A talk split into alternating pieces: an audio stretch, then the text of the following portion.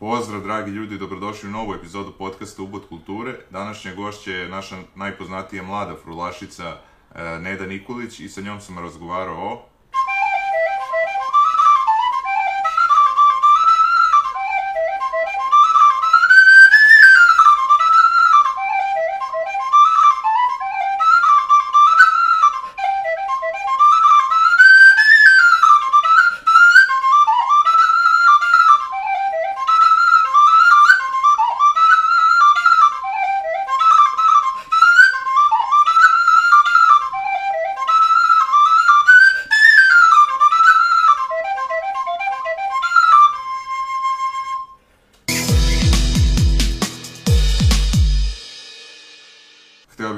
zahvalim Munchmelovu na poslovnoj saradnji i hteo bih se zahvalim svima koji me podržavaju preko Patreona i Paypala, linkovi su u opisu.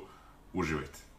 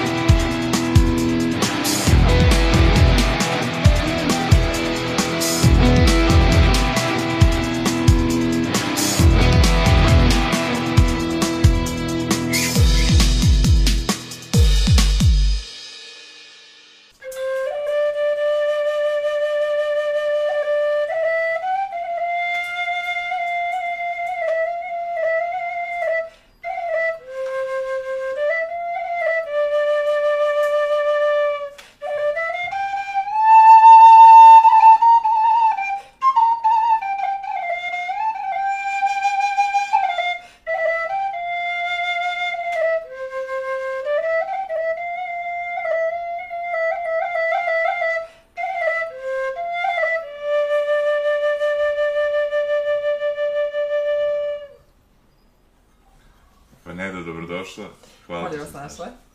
Reci mi za početak jedno manč pitanje, to je koje je bilo najbolje mesto na kome si nastupala? Gde si se najlepše osjećala, aj tako da kažem? Uf, um, teško pitanje. Um, ne znam, i dan danas ne znam da li je lepše nastupati u inostranstvu ili u Srbiji, zato što gde god odem svaki put me uče da se vratim nazad i da ponovo ovde nastupam. Um, možda bi najveće iskustvo bilo da sam nastupala u Indiji um, prije dve godine.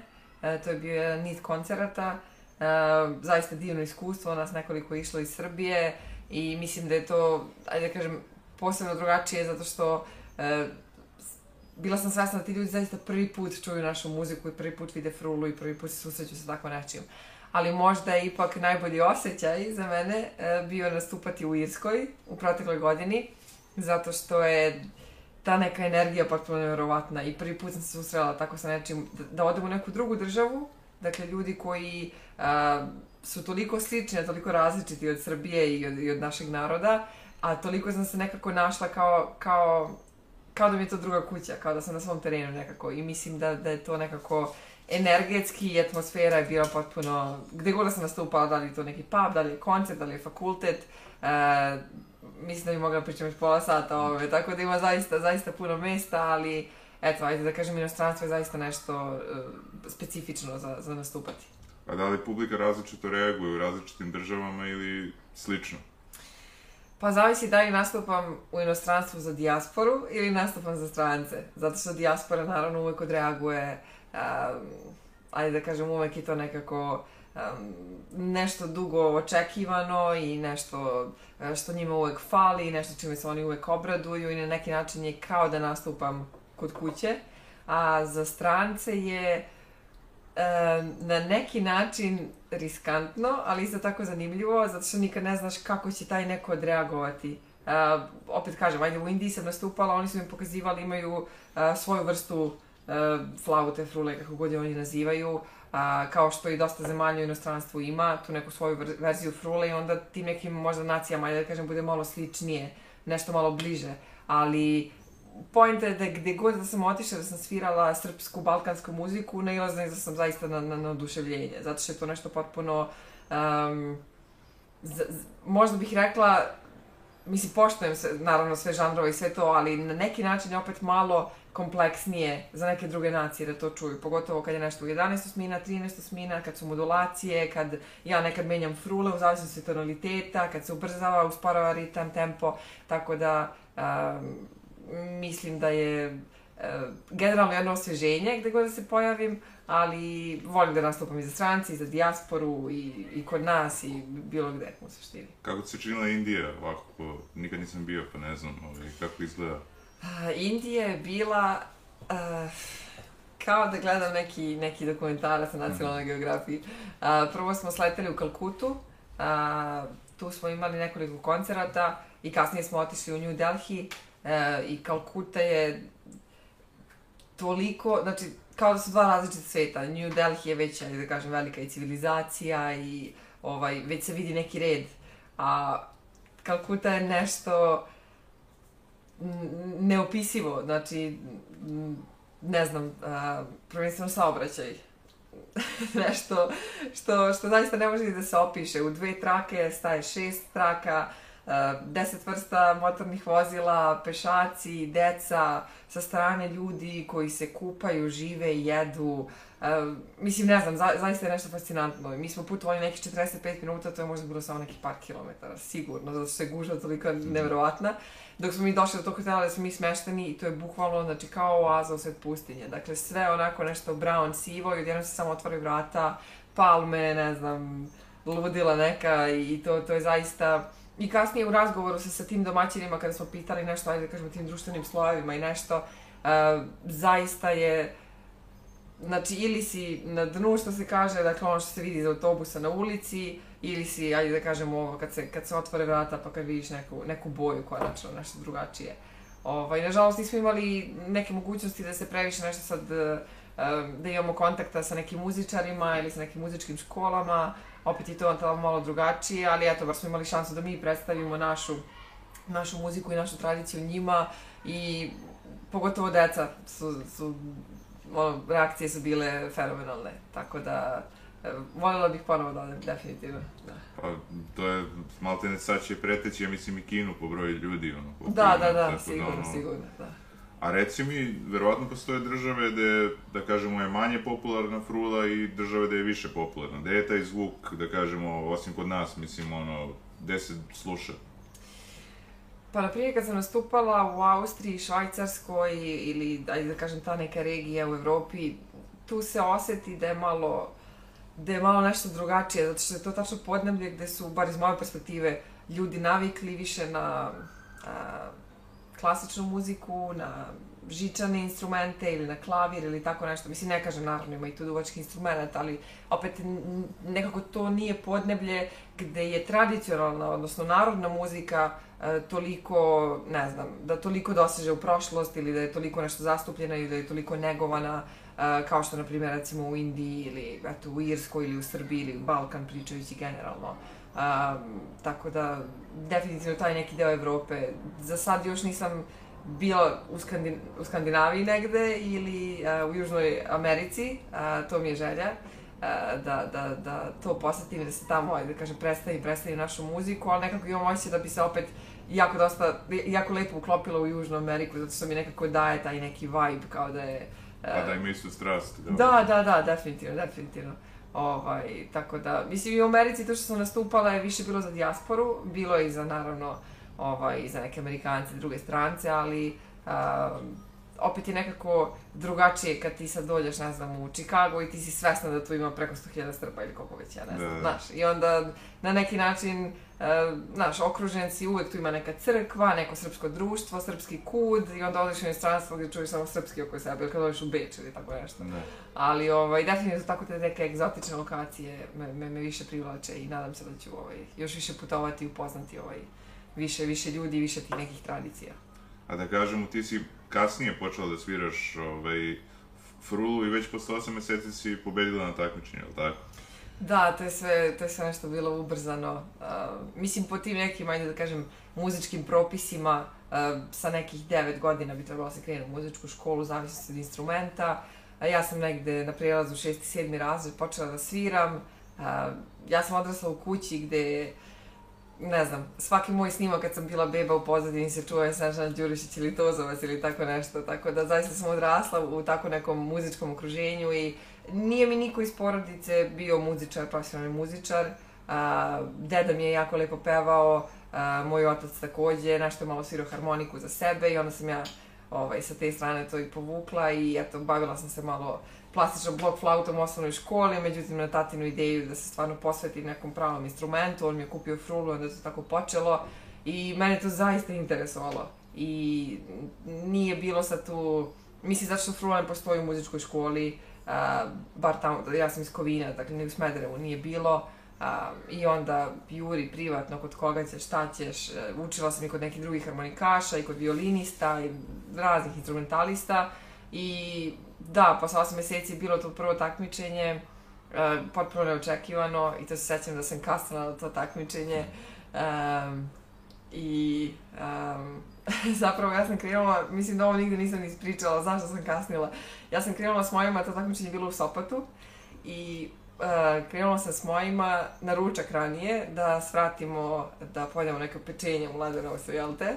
I međutim bila je velika gužva i onda smo imalo previše čekali na to i onda smo ovaj, uzeli to za ponet i odjurili tamo. Ovaj, mislim da je baš bio i vikend. Ja sam upala u posljednji trenutak i taj voditelj, čovjek, Omer Petović, divan čovjek, i dan danas smo u kontaktu, ovaj, I kao, kakav je to način, ti već kasniš, ne može sad, ja onako malo rekao, molim vas, kao dobro, ali zakazam će da budeš poslednja. Rekao, dobro, nema problema. I ona se zaista tako i nastupila poslednja i to mi je bio prvi nastup zapravo u toj u toj nekoj frulaš, u frulaškom okruženju. Ovaj, I prije toga sam možda imala samo nekih par nastupa, ne znam, negde ovako po, po pozivu nekih prijatelja ili kako god, ali to je kao bio prvi veliki scenski frulaški nastup i zaista ništa nisam očekivala što prvi put se uopšte pojavljaju na tako nekoj manifestaciji i takmičenju. Ovaj, međutim, eto, desilo šta se desilo i od tad ovaj, je sve nekako išlo i brzo i spontano i uzbrdo i eto, ta, tako, tako je sve počelo zapravo. Učestvovala si na nekim internacionalnim isto takmičenjima, ili tako? Da, sa, sa kolegom, pijanistom Veljkom Nenadićem, išli smo uh, dva puta u Moskvu, um, i u više kategorija smo ovaj, osvojili neke nagrade i um, takmičili smo se i u Njujorku i u Beču i um, bilo su to neka internet uh, svetska takmičenja um, i putovali smo po Evropi i um, to je nekako bila ta neka prekretnica um, u tom nekom, mislim ja i dalje nisam žanrovski precizno opredeljena uh, i dalje ja tu šaram, tražim, istražujem, ali to je bilo neki prvi put da sam se susrela sa nečim drugim, da nije kolo ili pesma srpska narodna. I taj neki etno džez koji smo mi započeli uh, negde u drugom srednje, uh, pa mislim do dan danas uh, faktički uh, je baš bio bitna prekretnica Uh, I nakon toga smo, mislim ubrzo, kad smo počeli da sviramo, snimili smo album uh, za World Music Asocijaciju Srbije. I onda su počeli koncerti, onda ta neka takmičenja i u principu gde god da smo se pojavili, to je zaista, zaista uh, odlično prošlo. Zato što je to, uh, koliko ja znam i, i tada koliko sam poznavala, ajde da kažem to nešto, prvi put je bio kontakt frule i klavira. Uh, i prvi put je taj neki etno džez, balkanski džez, to i dalje ne može da se precizira, bio predstavljen na fruli kao srpskom instrumentu. I to je zaista, mislim, zanimljivo je na kraju kraja, nešto, nešto novo, mislim, kad, kad si pionir nečega, znaš, može da bude loše, može da bude dobro, rizično je, ovaj, ali eto, nekoliko godina smo sarađivali i dan danas negde nastupimo, ali Veljko je otišao baš u, u svet kompozicije, potpuno, pošto on je kompozitor. Uh, I ovaj, tako da eto sad ja tu i dalje istražujem šta bi moglo u tom nekom etno jazz, balkan jazz eh, pravcu da, da, da još ostvarim, da istražim, da nađem i tako dalje. Uz koje instrumente najbolje ide frula? Možda uz harmoniku, klaviru, šta? Da, uz harmoniku definitivno. Uz harmoniku. Ovaj, mislim po srpski onako, uz, uz harmoniku ili uz narodni orkestar, uh, mislim ono, violine, uh, ceo taj sastav orkestra, ali ti neki prvi arhivski uh, frološki snimci koji su zabeleženi u Radio Beogradu uh, su bili uh, ovaj, zabeleženi, svirao je Sava Jeremić, jedan od naših najstarijih i najpoznatijih frulaša. A, I to je bilo uz harmoniku i onda kasnije malo se to uključi taj narodni orkestar, čuje se malo ritam sekcija, bas gitara, bubanj ili tako nešto, ali e, ili samo frula i violina ili zavisi, neki vlasi su snimali, e, imate neki kao orkestar frula gde više frula u isto vreme svira isti glas, što nije baš pri, prigodno za uši, oj, ali uh, da, mislim u početku ne ide to sad, ajde da kažem, mislim bar koliko mi imamo tih nekih zapisa, ne ide to baš toliko daleko u, u prošlost, ali uh, ajde ti kao prvi arhivski snimci, da, definitivno harmonika. A to sa, sa klavirom, ja mislim da je Bora Dugić u nekim njegovim uh, izdanjima iz 80-ih ili 90-ih za, za Radio Beograd ovaj, a, snimio neke kompozicije u klasičnom duhu, njegove komponovane a, autorske kompozicije i mislim da se tu pojavljuju neki malo više klasični instrumenti i mislim da ima nešto sa klavirom, nisam sigurna, ali ovaj, jako, jako, jako lepo zvuči, pogotovo na duduku, na velikoj fruli. A, samo je poenta, eto to malo štimovanje, zato što je frula u zavisnosti koje napravi, E, znaš, zavisi od drveta, zavisi od temperature, koliko ti dobro možeš da kontrolišeš vazduh, da ne budeš visok, nizak u odnosu na klavir, zašto je klavir perfektno štimovan. I onda, znaš, tu sad malo možda do, može doći neki poteškoća, ali u principu uh, jako je lepa kombinacija sa klavirom. Da. A možemo da sad objasnimo delove frule, čisto ovaj, da približimo? Naravno, naravno. Uh, pa evo, uh, srpska frula tako kako jeste, u principu može biti jednodelna, a može biti i dvodelna, što se više preporučuje zbog štimovanja i opet kažem zbog temperature, u zavisnosti uh, ako je jako velika vlaga, ako hoću da budem viša, onda ću da uvučem frulu, ako mi hoću da budem niža, onda ću malo da izvučem. Um, vrsta drveta uh, zavisi od, od majstora, od čoveka koji pravi frulu. Um, uglavnom je to neka, ne znam, šljiva, javor, um,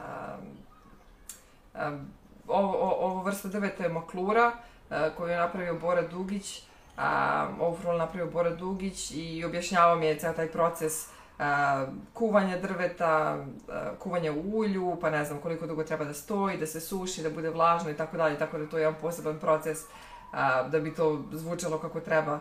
A, napred ima šest rupa, pozadi ima jednu, a, pre su naši stari frulaši, ako se, ako ako, ne znam, ako frula ima ovu zadnju rupu, onda uzme pa zalepi selotep, da, zato što nisu znali da koriste levi palac, navikli su samo na šest rupa da. ovde. Um, gore je pisak i čep koji sad zavisi, trebalo bi pri, prilikom čišćenja da može da se izvadi, kod nekih starijih frula to ne može. Ovaj, na sredini i na, na krajima su uglavnom, uglavnom ti uh, prstenovi metalni od mesinga. Um, I to je to, mislim ovo je sad samo ukras koji, koji je uh, maestro Dugić napravio za mene i ubacio beli celuloid, ali u principu, uh, da, mislim izgleda prilično, prilično jednostavno, prilično malo, kompaktno, ne znam, moja najmanja frula je fis, ona je bukvalno ovolicka, znaš, i sviram ovako i mislim možda stane bukvalno u džep i gdje god se pojavim kad me neko pita da ti instrument u rancu, u džepu je, mislim da. sve jedno, pogotovo kad je rastavim može u torbice da stane. Ali, ali zvuk je zaista specifičan i ako je dobro napravljena, mislim, ako je kvalitetno drvo, a, za, zaista je divno i prilično je glasna a, s obzirom na njenu veličinu i a, ima dve oktave, dakle prva oktava je i druga. I sad ima još par tonova u trećoj oktavi, to je baš za neke potrebe nekih kompozicija, ali u principu dve oktave. I zato postoji e, frula u svakom tonalitetu, Dakle, nije kao harmonika, jedna harmonika, jedna violina, nego postoji više frula, dakle, od te što sam ja rekla, fis, G, pa onda idu naviše i ima još većih frula i onda kad se dođe ponovo do istog tona, to je već onda duduk, odnosno velika frula, gde, na primjer, C duduk je ove veličine ili tako nešto i mnogo je, naravno, cev je šira i zvuk je dublji za oktavu i dosta ljudi zapravo voli zvuk duduka, zato što je baš onako pitko i lepo i mekano. A, tako da, u zavisnosti od kompozicije, nekad se čak i menja frula, na nekim ovaj, snimcima se može vidjeti da frulaši imaju kao neki pojas sa nekoliko frula. U principu ja najviše koristim možda četiri ili pet, nije to sad nešto, ali opet ako se javi neka zahtevna kompozicija da mi treba, ne znam, cis frula koju sam koristila jednom u životu, mislim dobro imati u principu. Nisam znao da se Bora bavi na taj način da pravi ovaj, frule i... Jeste, on je, on je sigurno, sigurno, mislim njegove frule su najkvalitetnije. Ja sam uzimala od nekoliko proizvođača, od nekoliko majstora, ali sad, da li, mislim sigurno je do njegovog procesa i do njegove tolike, ajde kažem, posvećenosti opet kad se naruči frula čeka se mnogo duže nego kod drugih majstora i tako dalje, tako dalje. Ovaj, ali da, ja od njega imam ceo set i imam od nekoliko drugih frulaša, ali e, da, vidjet ćemo šta će biti kasnije, nadam se da će neko, da će neko od mlađih naučiti da pravi frulu, zato što tu već onda verovatno dolazi u mali problem u budućnosti ko, ko će se baviti time. To sam te sledeće te pitam, kakva je situacija među omladinom, da li ima ljudi koji sviraju, mislim, dece? A, pa ima, ima nekoliko škola frule u poslednjih par godina. A, to je uglavnom nešto Čačak, Kopovanik, zapadna Srbija ili tako nešto. A, Vojvodina je prilično tanka, Uh, znam da je bio, bio, bila frula na, na etnomuzikološkom oceku u jednoj srednjoj školi, ne znam da li je Kikinda ili Sombor, Subotica, tako nešto, ali to se ugasilo. Um, ima dosta nekih devojčica, čak su mi neki frulaši ljudi govorili da, da ono, od kad sam ja počela da se pojavljam na televiziji da sviram, da je dosta devojčica pokazalo interesovanje. Mislim, ako je tako, zaista mi je drago. Strano. Ovaj, um, ima tih malih, uh, i meni, ono, svake godine ima to republičko takmičenje u prisvojnici Kočačka. I, dakle, ima kategoriju do 12 godina, od 12 do 16 seniori i svaki put uh, u živiju sam već nekoliko godina i vidim i, i nova lica i novu decu i zaista mi je drago i nadam se da će ih biti još više. Jer tu sad samo poenta da kad oni dođu do tog nekog perioda srednje škole ili tako nešto, uglavnom ih ili zainteresuje nešto drugo, tipa klarinet, saksofon, flauta ili batale muziku potpuno ili se opredale za nešto treće. Tako da mislim da je, naravno, treba krenuti što pre, ali najteže zapravo održati to. I ja tu negde vidim da je to sad malo i problem i sa našim sistemom i sa našom državom i da sad, da sad ne zalazim u nešto drugo, ali prosto a, kad, kad to i roditelji misle, kao zašto bi se sad moje dete bavilo frulom, znaš, da li to perspektivno, da li će to da se isplati, od čega će ono da živi i tako dalje, što, opet kažem, nažalost jeste situacija na neki način, ali e, ne znam, mislim, ja kad sam počela da sviram, nijednog trenutka se to nisam zapitala. E, jeste veliko pitanje, ali e, moja perspektiva je da ako zaista nešto toliko voliš i toliko želiš i toliko neguješ i toliko se zalažeš za nešto da možeš da napraviš od toga nešto. Mislim na bilo koji način, ne moraš biti solista na tom instrumentu, možeš se uključiti u neku organizaciju, da praviš neke kampanje, da ne znam, da budeš profesor u školi ili bilo šta, ali opet znaš, ko, ko će da održi ovaj instrument i tradiciju ako nećemo mi, tako da, da, da. Uh, nadam se da će, da će se ta cijela slika frulaštva, frulaške prakse i ne, generalno etno-muzikološke scene u Srbiji promeniti i malo ojačati.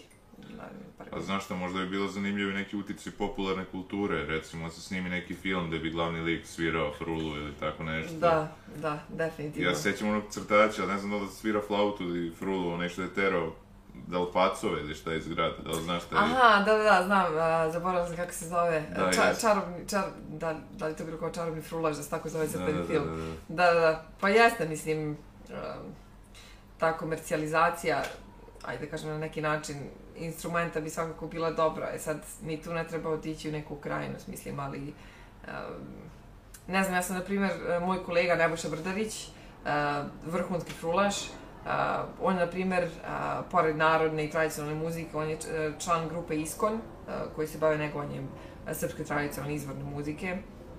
Uh, čula sam ga na jednom nastupu, baš na Dorčel placu, pre možda dve godine, gde svirao sa nekim bendom, zaboravila sam kako se zove, ali to bilo nešto... Ja sam prvi put čula frulu u tom izdanju, to, to je...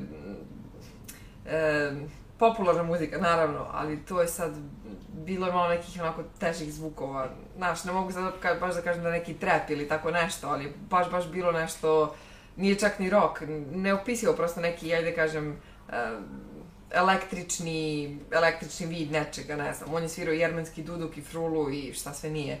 Ovaj, mislim, zvuči interesantno, definitivno, ali uh, kad čuješ, ne znam, bilo koju pesmu od naših poznatih, ajde kažem, pop ili narodnih izvođača, Uh, I onda kad čujem, na primjer, frulu, frulašku boju na klavijaturi i onda se onako sva naježi. Mislim, zašto ne bi se ovo pozvao nekog frulaša da ti tako nešto odsvira, znaš. Uh, ima nas, mislim, nebitno. Mislim, mislim da bi svakako bio lepši zvuk i mislim da je lepše uključivati frulu više u, u, u te neke, pa eto čak što ti kažeš, neke pop, moderne, savremene e, projekte pre nego klarinet ili flautu ili tako nešto. Pa na kraju krajeva bilo bi interesantnije, bilo bi sigurno Da, bolje reklama. Da, da. Tako da, mislim vidjet ćemo, nadam se da će se i to malo korigovati u budućnosti. Imamo primjer sa drugim instrumentima, tu cellos što su radili. Da, tako da. Da. Uh, mislim, dobro, to je, ajde da kažem, i, i, i poznat instrument i njihov repertoar je malo više Da, ovaj, komercijalan, ali um, opet su napravili priču, naravno. da.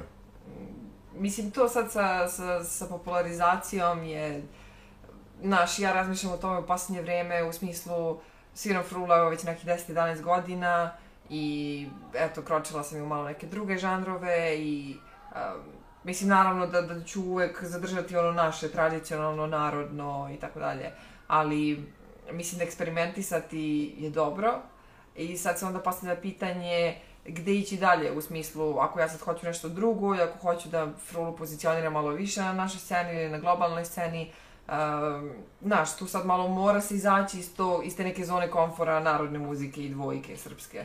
Um, I onda sad pitanje kako uključiti frulu u nešto, a opet ne uticati u smislu ne narušiti taj neki zvuk, ni naš, ni njihovi, mislim, ne znam, do, dosta je to nekako kompleksno. Uh, mislim, kako sad, na primjer, napraviti tu čelu sa frulom, znaš, Da, kako da. sad e, napraviti nešto da se sad frula pojavi, ne znam, bilo gde i da to bude nešto baš, kao, ajde, poznato. Uspoji se harmonikom. Da, da, da, neku dvojku i da.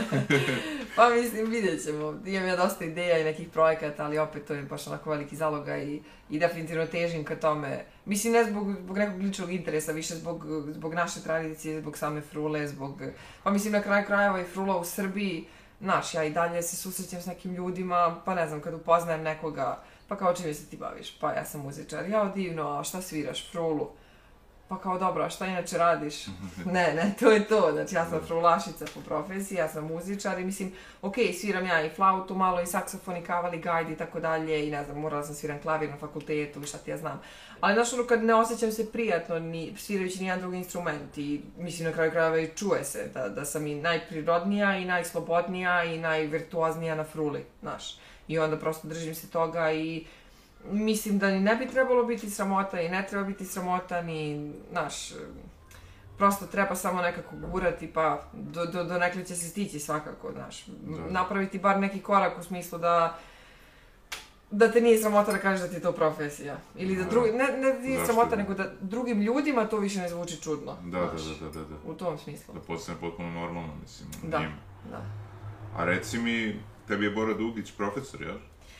Pa ne, ja sam od njega uzela, uh, uzela set frula i duduka, ali nije, mislim, nije mi profesor, on Ti čovjek u objašnjavao neke trikove ili nešto da si učila Pa na početku, ono, negde, kad sam, kad sam uzimala te frule i kad sam počela da sviram i onda kad, znaš, ono, počneš, uđeš u nešto pa onda tražiš ko je bolji od koga, šta ti najviše odgovara, kakve savete možda pokupiš, ali u principu niti on ima puno učenika, em, niti se on baš nešto bavi da, da, davanjem bude- časova, da, da, da, da. mislim, niti on čovjek predaje negde i tako, ovaj, on je baš posvećen, eto, proizvodnji frule i eto tim nastupima u posljednje vrijeme nešto malo manje, ali e, u principu da. Mislim, to uglavnom ljudi misle kao da sam ja njegova učenica bila ili tako nešto, to je bilo samo eto nešto u par navrata. Mislim, Da, ništa. da, to sam ništa da čuo dezinformaciju negde.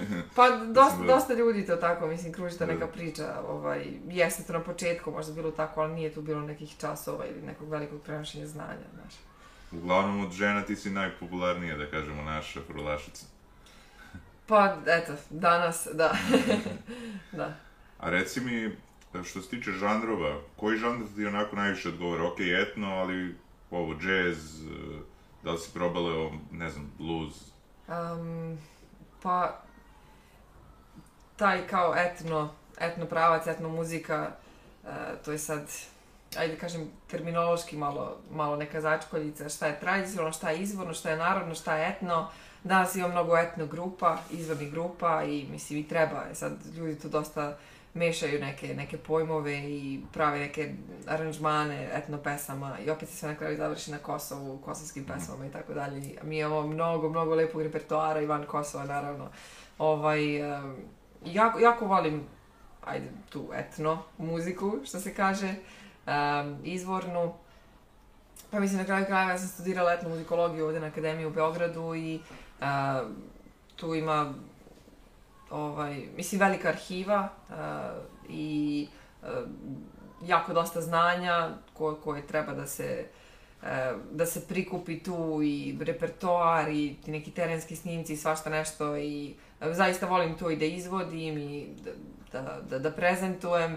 E sad to je poenta što uh, eto, koliko je lepo i koliko je nama dostupno, nama u smislu muzikolozima ili ljudima na akademiji ili izvornim sviračima, s druge strane uopšte nije popularno, komercijalno, dostupno, ajde da kažem, širim, širim narodnim masama i onda kad sad ja dođem na scenu i odsviram neku izvornu pesmu koja je meni draga, koja je meni, eto da kažem, prelepa, znaš, drugi ljudi ne znaju i sad dok se ja ne pojavim negdje ne odsviram ne znam, usnila je dubok sanak ili gusta i magla padnala, znaš, niko neće se zna o čemu se radi. Ovaj, sad, je, moje mišljenje je da bi to se trebalo malo više da se poradi na tome da se i to prezentuje, ali je sad poenta što smo u 21. veku i što znamo šta slušaju tinejdžeri, šta slušaju mladi i sad treba to predstaviti na neki način da njima to bude zanimljivo ili bar nešto da, da, da se čuje, mislim, ne znam, evo, banalan primer, da, mislim da je Beogradski sindikat izbacio neku pesmu pre par godina ili tako još neka grupa, gde su ubacili te kao etno izvorne glasove u nekoj pesmi i kao, ne znam,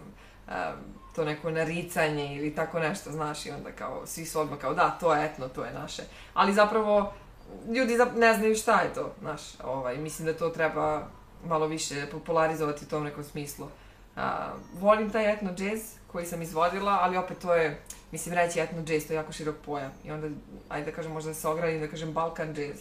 Dakle, to je neka kompozicija sa balkanskim korenom, odnosno sa nekom melodijom gde, ne znam, bilo ko može da kaže da čuje, e, dobro, to je srpsko, to je balkansko, čuje se, ima trilera, ima ukrasa, ali opet s druge, čas, s druge strane ima i tih nekih jazz primesa. Um, I opet, naravno, zavisi koji instrument će da me prati. Ako ja to sviram sama na fruli, znaš, neće to baš tako razvuči. Sad ako me prati klavir ili uh, još bolje, ako imam kontrabas i bubnjevi za mene, to je onda, znaš, jazz trio koji može da me isprati sa određenim harmonijama, to može da zvuči odlično. Um, prošle godine sam, uh, to jest, uh, završila sam master u Irskoj na njihovoj muzičkoj akademiji uh, za izvođenje irske tradicionalne muzike. Uh, to se desilo pre mesec dana, sam diplomirala. I... Čestito. Hvala, hvala. I, ovaj, I to je, na primjer, nešto što, što je potpuno novo u mom životu, u mojoj karijeri, a izuzetno mi se dopada. I sad, na primjer, ljudi, pogotovo tamo na akademiji, su mislili da, da sam ja, ne znam, bila veliki ljubitelj irske muzike ili da sam ja to nešto slušala, da sam, ne znam, ovaj, bila u tome upućena u sve to, međutim ja stvarno nikad nisam slušala irsku muziku. Ne zato što nisam htela, nego prosto nisam imala nikakav dodir, nikakav kontakt s tim. Ono, jedino što ja znam kod nas je Orthodox Kelci, to je sve. I onda, kad sam otišla tamo, onda naš, prvo sličnost instrumenta, ta njihov kao tin whistle je izuzetno sličan fruli, samo je usnik drugačiji, pravi se od metala, e, tako da sam cijelu godinu pohađala na fruli, sve sam svirala na fruli, zvuk je bolji od te njihove frule flaute i ima dosta sličnosti zapravo e, u, u njihovom izvođenju i našem, u smislu tih nekih ukrasa, ornamenata, frazdiranja. E sad, ono što je meni prvo zapalo za, za, za oko, to je za uho, jeste da njihove kompozicije su izuzetno kraće, uglavnom su dvodelne, trodelne, možda četvorodelne, sve u istom tonalitetu. Uh, ja kao ponela, ne znam, 12 frula, ne znam šta će mi trebati, ja sam se vreme svirala na dve, možda jednu, dve. Um, ali je mnogo, hmm, mnogo je, znači irska muzika je globalno poznata, znaš. Uh, oni imaju te, te njihove zajednice i, i muzičke, ne znam, ovaj, njihove dijaspore, razumeš, u jako velikim, u jako velikom broju šir, širom celog sveta. I onda se ja, eto, godinu dana ubijam i razmišljam kako je to tako, što je to tako, što srpska muzika nije tako, što ja sad mogu da odem u Japan i da napravim ono, ne znam, srpsko kolo grupu ili tako nešto, znaš. Ali zapravo i to poenta, to što sam ja pričala, dakle, da su to dvodelne, trodelne kompozicije u par tonova i onda ti zapadne za uho i bude ti zanimljivo. I zato je to nekako globalno prošireno, znaš. Onda se ja pojavim tamo i odsviram neko makedonsko oro od osam delova, tri puta moduliram, menjam dve frule u 11 osmina i oni ne mogu da se pokupe, znaš. Ali mi je izuzetno interesantno, znaš. I, ovaj, I onda shvatiš da je naša muzika, da, da jeste kompleksnija u tom nekom smislu, ali možda baš zato mi ne možemo da, eto, toliko nešto možda očekujemo da može biti na tako nekom globalnom... Mislim, naravno da postoje pesme, kompozicije sa Balkana koje mogu, ali baš to nešto naše toliko komplikovano, mislim, naravno, to je nešto što je u nama, mislim, zato i mi to sviramo. A možemo ovaj... čujemo nešto iz Irski? Aha, može, može, naravno.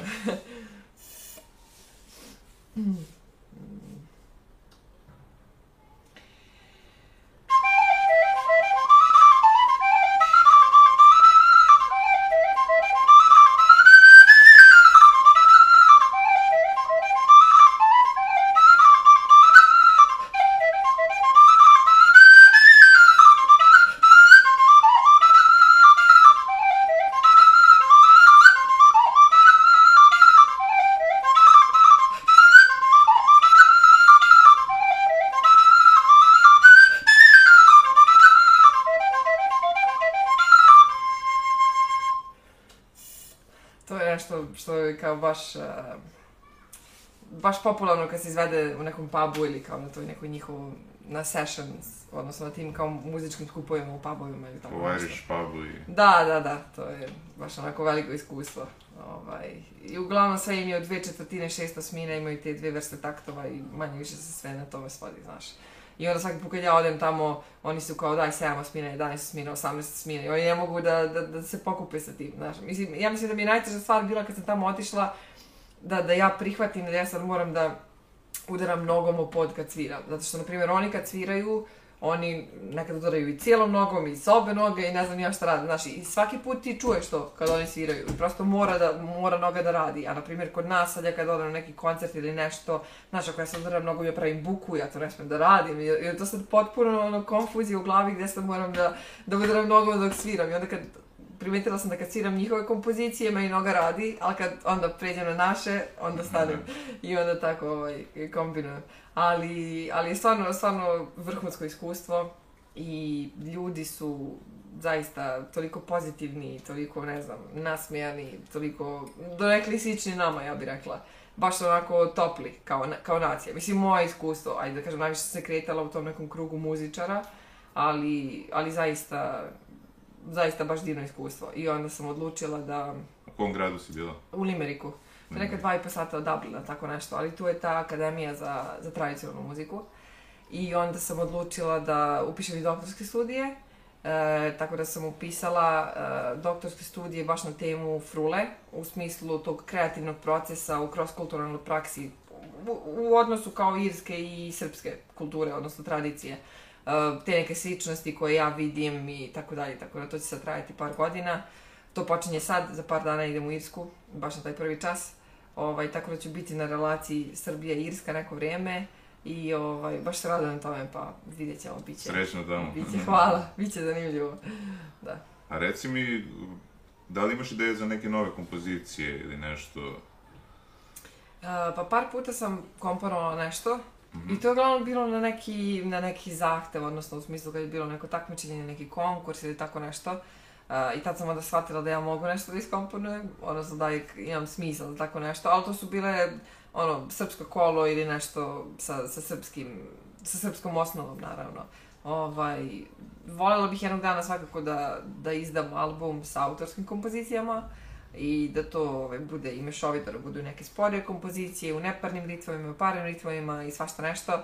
Ovaj, uh, mislim, vidjet ćemo uh, kako, kako se sve bude kretalo. U principu imam dosta nekih projekata i planova u glavi, ali da, definitivno bih mogla malo više možda da se posvetim i tom nekom uh, komponovanju. Mislim, zato što onda vremenom, i sad i na tim frološkim takmičenjima čuje se uglavnom isto, ne znam, iste numere, najviše od Dugića, od tih nekih violinista, harmonikaša, a mislim da imamo dosta, dosta više i da pružimo i da na kraju krajeva i trebaju da se čuju neke nove kompozicije, tako da... Možda je u tome i šansa, nešto da, novo da, da se donese. Da, definitivno. Mislim, znaš, nema ni, ni neka precizna knjiga za frulu. Ima možda dve, tri, ali to je nešto pisano nekih frulaša ili samo neki, ajde da kažem, zbirka nekih melodija, 20-ak, 30-ak numera ili tako nešto.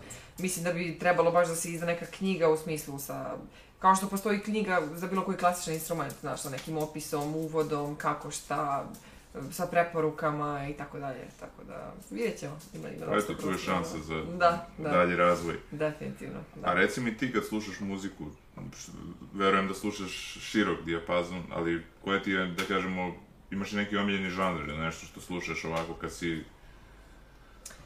Uh, zavisi od raspoloženja. E, U principu kad sam, kad sam kući volim da, da mi stalno u pozadini ide ili neki džez lagani ili tako nešto, ono, u smislu što ne moram da ne moram toliko da razmišljam šta slušam. Zašto, znaš, mislim, kad si, kad si muzičar, onda e, mislim da ne možeš tek tako da pustiš nešto da čuješ, znaš, uvijek se fokusiraš ko svira, koji instrument, kako izvode, šta, kako, znaš. I onda ovako, jer pustim nešto, nešto se kaže malo i pozadinski, onda to me uglavnom relaksira. U, u principu uvijek mora nešto da se čuje u pozadini. Gde god da sam, nešto samo, samo nek ide, nebitno. Um, ali opet se da kažem, zavisi od raspoloženja. Tu u posljednje vrijeme slušam dosta irske muzike. Um, od naših... Uh, Ili imaš neki band posebno koji slušaš ili nekog muzičara iz Irske? Uh, pa, pa volim, na primjer, imam uh, Brian Finnegan, se zove jedan uh, flautista koji svira isto i tu njihovu vrstu frule, ima svoj sastav koji se zove Fluk uh, i oni rade tu neku savremenu tradicionalnu irsku muziku i meni se to baš sviđa zato što ona čista tradicionalna muzika je, na primjer, irska je kao, na primjer, sad naša srpska, nešto kad bi izvadio iz arhive Radio Beograda iz 68. znaš. Da, da. A sad ima dosta bendova koji rade malo više na tom nekom savremenom tradicionalnom zvuku irske muzike i zaista je zanimljivo. I to je ono sve u dva, tri instrumenta, nisu neki veliki sastavi. Tako da ovaj, ima tako ti neki par sastava koji su stvarno zanimljivi. Ali mislim ja još učim, njih ima mnogo više nego što, što naših sastava tradicionalnih ima.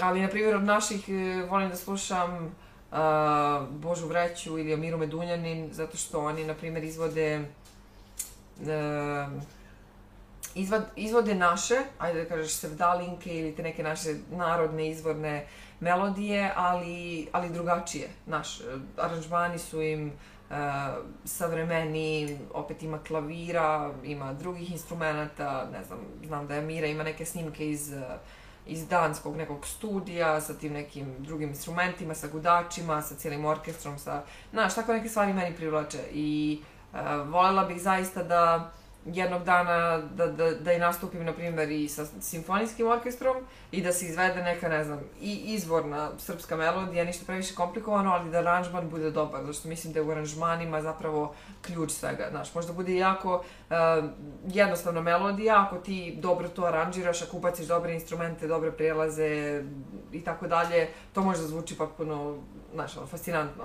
Tako da, donekle je i to Boža Vreća uradio, mislim, čovjek ima apsolutno e, fenomenalan glas i specifičan je i mislim fizički on ima kao, kao pojava je nešto i on je tačno napravio sebe kao, kao, kao scenski, ajde da kažem, sve ima, znaš, potpuno, je a, svestan je da, da mora tu sada se radi i na, na fizičkom predstavljanju i kad se pojaviš na koncertu, ne znam, možda budeš dobar koliko god hoćeš, ali ako prosto ti ne možeš da se povežeš sa publikom, da imaš nešto, da on nekako je ceo paket u, u, tome.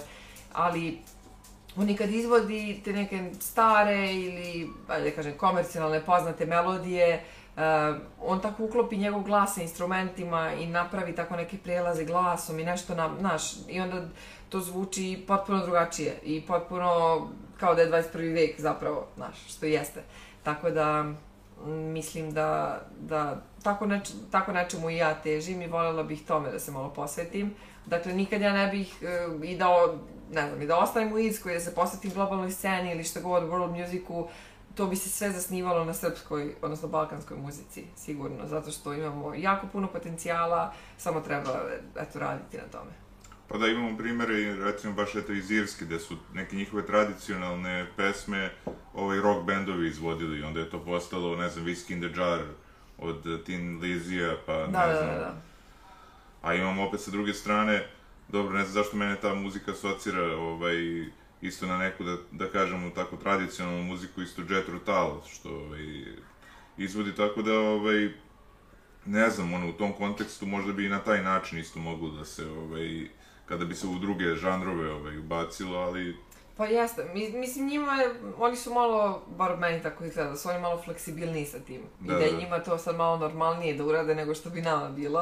Da. Ali opet, mislim, znaš, tre- treba, treba probati, treba vidjeti kako će ići, pa sad opet zavisi kako će publika to da prihvati i sva, na, na, naši ljudi su malo nekad i, i znaju da budu teški sa, sa tim nekim um, prihvatanjem nečega novog. Naprimjer, ja sam snimila sa, sa Acom Aleksandrom Safranijevićem, snimila sam Vlaški obrt pre, ne znam, dve, tri godine možda, dve, ne, ne, ne znam koliko ima.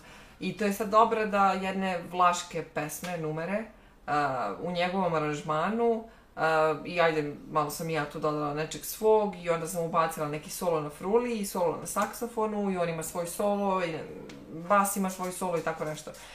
I sad, eto, osnova, čuje se da je Vlaška numera i čuje se da je naše nešto i sad je znam, ali isto tako se čuje da je nešto moderno. I sad pre toga, ja sam samo izbacivala na YouTube, ne znam, svoje koncerte, nastupe, u smislu ljudi koji me poznaju znaju da ja eto, izvodim srpska kola, pesme, spletove i tako dalje. I na tome mi se najviše izgradila publika i taj neki publicitet i tako dalje. I Sofra manje više, znaš, ima svoj orkestar, e, svira srpsku narodnu muziku i to je to.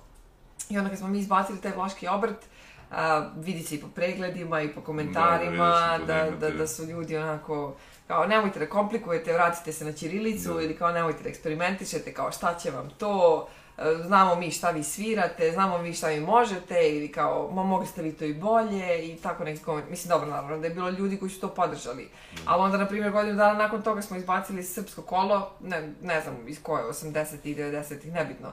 Neko onako lepo srpsko kolo, ništa specijalno aranžman, njegov orkestar i, i nas dvoje kao solisti i ne znam, ono, za, za duplo manje vremena je grunulo duplo više pregleda. Da, da, I skoro, skoro milion pregleda. Da, skoro milion pregleda i sad da. to je Zato što su ljudi navikli i onda tu su sad komentari, svaka čast, fenomenalno, znaš, i onda, mislim, to je super, to treba, treba ići ka tome, ali e, ja osjećam da vremenom mene to ne ispunjava. Da, da, da, razumem. Mogu ja da snimim još 10, 20, 30 kola, pesama, nebitno, i da to ima, ne znam, ti njakoliko miliona pregleda.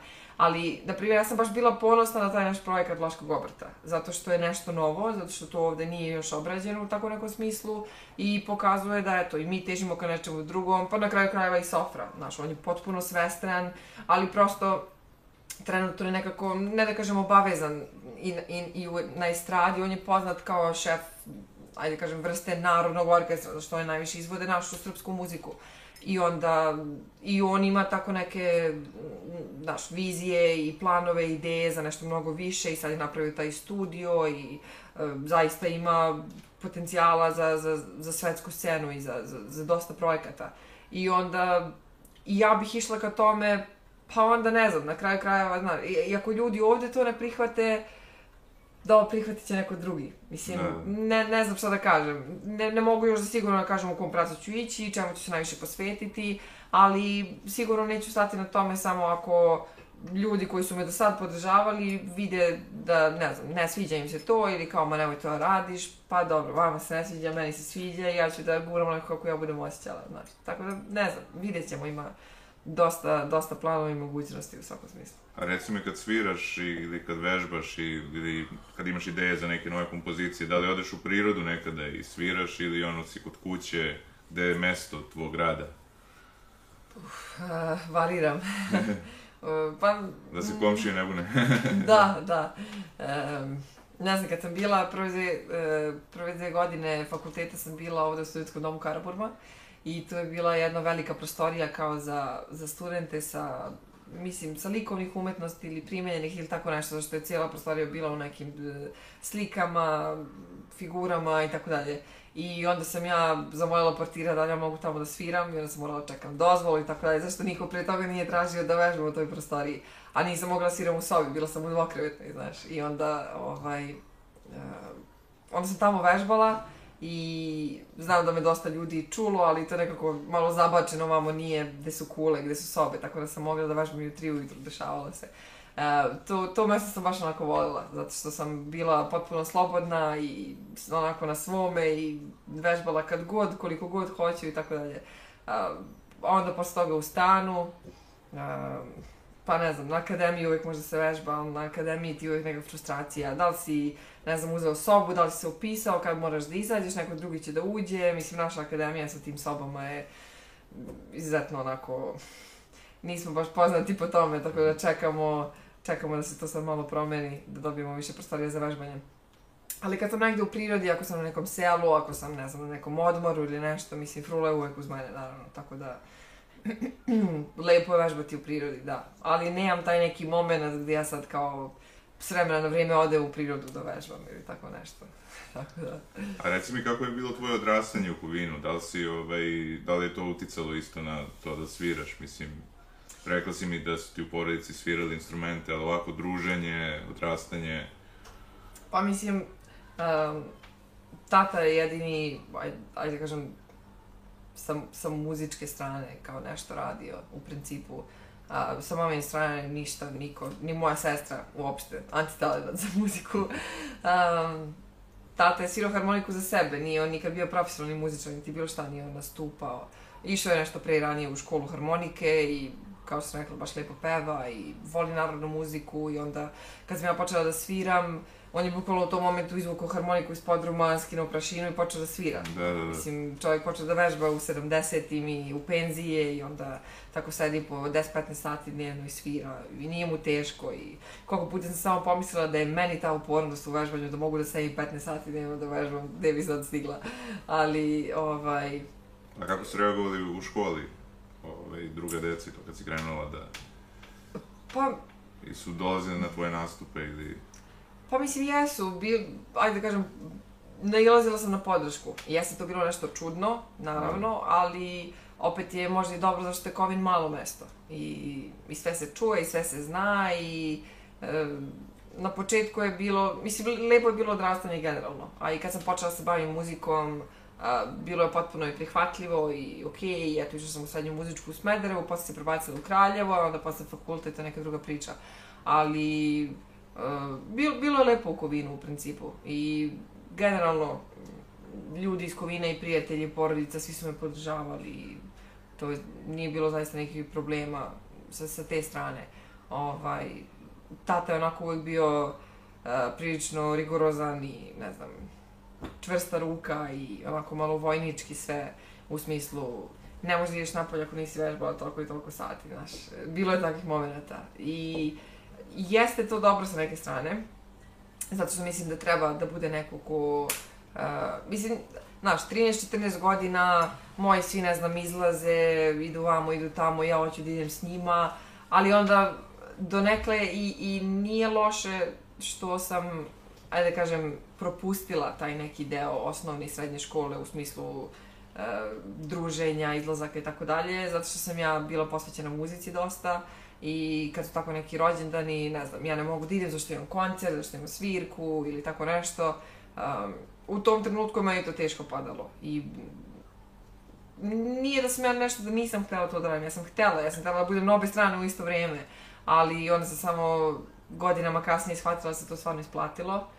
Uh, mislim, definitivno nisam zastupnik da sad roditelji treba da forsiraju nekoga ili tako nešto, ali opet nije loše da, znaš, kad je dete u tim godinama i dalje nije sigurno šta kako i onda kad neko te malo, malo više usmeri, znaš, on je uvek tu bio za mene i pomagao mi na svaki mogući način. Um, tako da kasnije, znaš, shvatim da je okej okay što, što je tako bilo. Jeste nekad malo bilo preterivanja a, i malo previše možda restrikcija, s obzirom da ja nikad nisam bila problematično dete, uvek sam bila vukovac, štreber i tako dalje. I onda podrazumevalo se da ću ja vežbati ako mi ti kažeš da ću toliko da vežbam. Zato što to nekle, jeste to mene zanimalo, jeste mene frula uvek zanimala, ali sad da li će u 13 godina te zanima da 5 sati sediš i sviraš, to je malo diskutabilno. Ali dobro, posle ti nekako uđe u naviku i kad uđeš u srednju školu, ovaj, u muzičku srednju školu, e onda kad znatiš da su svi oko tebe muzičari, da se svi time bave, onda je lakše. I pogotovo na fakultetu, kad vidiš da i drugi vežbaju, da, da drugi posvećaju vreme tome, onda je, naravno, kad si, kad si u svojoj okolini, svom okruženju, onda je, onda je lakše. Pitao sam te za Kovin zato što mi je bilo interesantno, dobio sam na poklon, baš mi je to bilo onako iznenađenje, baš prijatno. Mislim, čovjek se zove Vladimir Komarica i poslao mi je ovaj, kao neke razglednice, mislim kao format razglednice, on je crto Kovin, razgledne ovaj, crteže Kovina, no, i ovaj, zato što ga je podsjetila ova moja treća knjiga kao da se radnje odvija o Kovinu, to je njemu bilo Aha. u glavi kad je čitao, znaš. I ovaj, on, zato sam te pitao kako je odrastanje u Kovinu, da ja to spojim sad u glavi sa tim, da, ovaj, da, da, tako da... Pa, no, Kovin je baš na, na, na, na granici, ono, Srbija, Vojvodina, da, da. što se kaže. Ali, Da. ali lepo je, mirno je mesto i Da, da. u principu ima, ima dosta da se pokaže, ali lepo je za odrastanje. Sad sigurno ne bi živjela tamo bar još neko vrijeme, ali, ali lepo je mesto, sigurno, da. A sad pretpostavljam, znači ambicija Irska, to da završiš, pa onda ovaj, posle toga, Pa da, vidjet ćemo, mislim, to sad traje četiri godine minimum, ovaj, ali nekako se osjećam sigurno sve dok sam student, dok imaš to kao zvanje studenta, lakše je sve. Um, to sad nekoliko godina, kao što sam rekla, imam te neke projekte, planove koji su i na kraće staze i na duže staze i svašta nešto. Ja bih voljela da, mm, eto, živjela sam sad godinu dana u Irskoj i vidjela sam kako biti u inostranstvu i uvek me nekako sve vuče da se vratim nazad. Mislim, evo sad u ovom trenutku mi fali Irska, ako odem tamo fali će mi Srbija i tako u krug. Ali e, mislim da je najbolja opcija verovatno živjeti u Srbiji i onda samo dosta putovati, nastupati i tako dalje. Što se nadam da će tako i biti.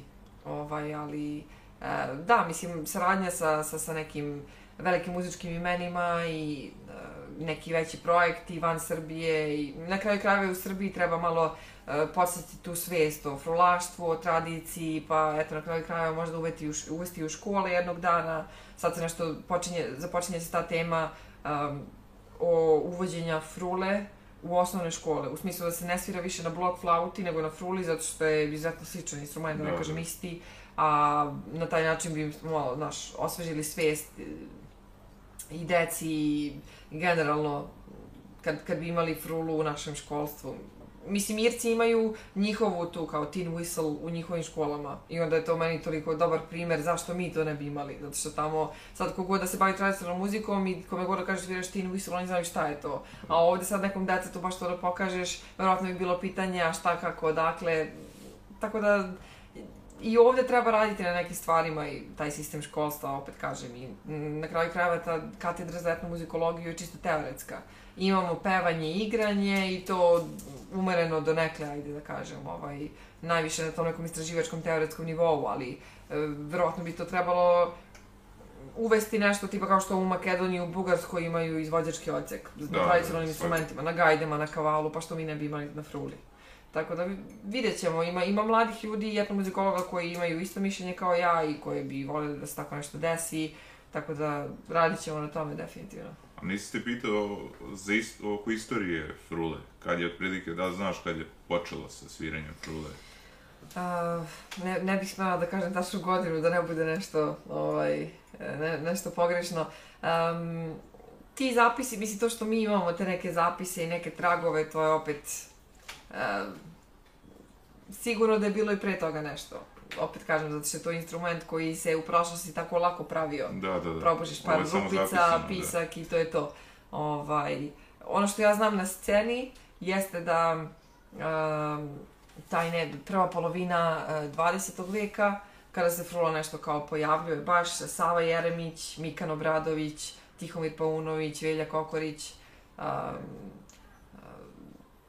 uh, Mitar Vasić, to su ta neka naša imena frulaša, a, a pre toga onda negdje u nekim zapisima se ne spominje frula, nego se spominje svirajka, svirajče, duvaljka ili tako nešto, gde, gde neko, naš, počeo kao dečiji instrument, pa je prešao nešto malo zbiljnije, pa onda dok je ona dobila ovaj oblik, dok je dobila čep, pisak uh, i tako dalje. Ovaj, ali da, trenutno uh, moj jedan kolega i moj bivši profesor zapravo iz Kraljeva, Borislav Miljković, uh, završava doktorske studije na temu frule i mislim da će to biti jedan, jedan sjajan projekat i materijal i knjiga uh, koja će biti jako korisna zato što se on dotakao i istorije frule i njenog razvitka i ne znam, brdo i brdo uh, terenskog rada i poređenje stilova i pominjanje frulaša i frulaške scene i svašta nešto, tako da to je jedna stvarno uh, divna knjiga koja će sigurno biti korisna mnogima. E, Nedo, želim ti mnogo sreće u daljem radu, Hvala puno. da ostvariš sve što poželiš Hvala. I da osvetliš, što se kaže, i naš obraz, da, da čuju ljudi koji nikad nisu čuli za frulu, tako da Trudit će se. Hvala puno. Hvala na pozivu, bilo mi je čast da, da, da gostujem u tvom podcastu i uh, srećno i tebi, naravno, u budućnosti. hvala ti. Gledamo se nadalje.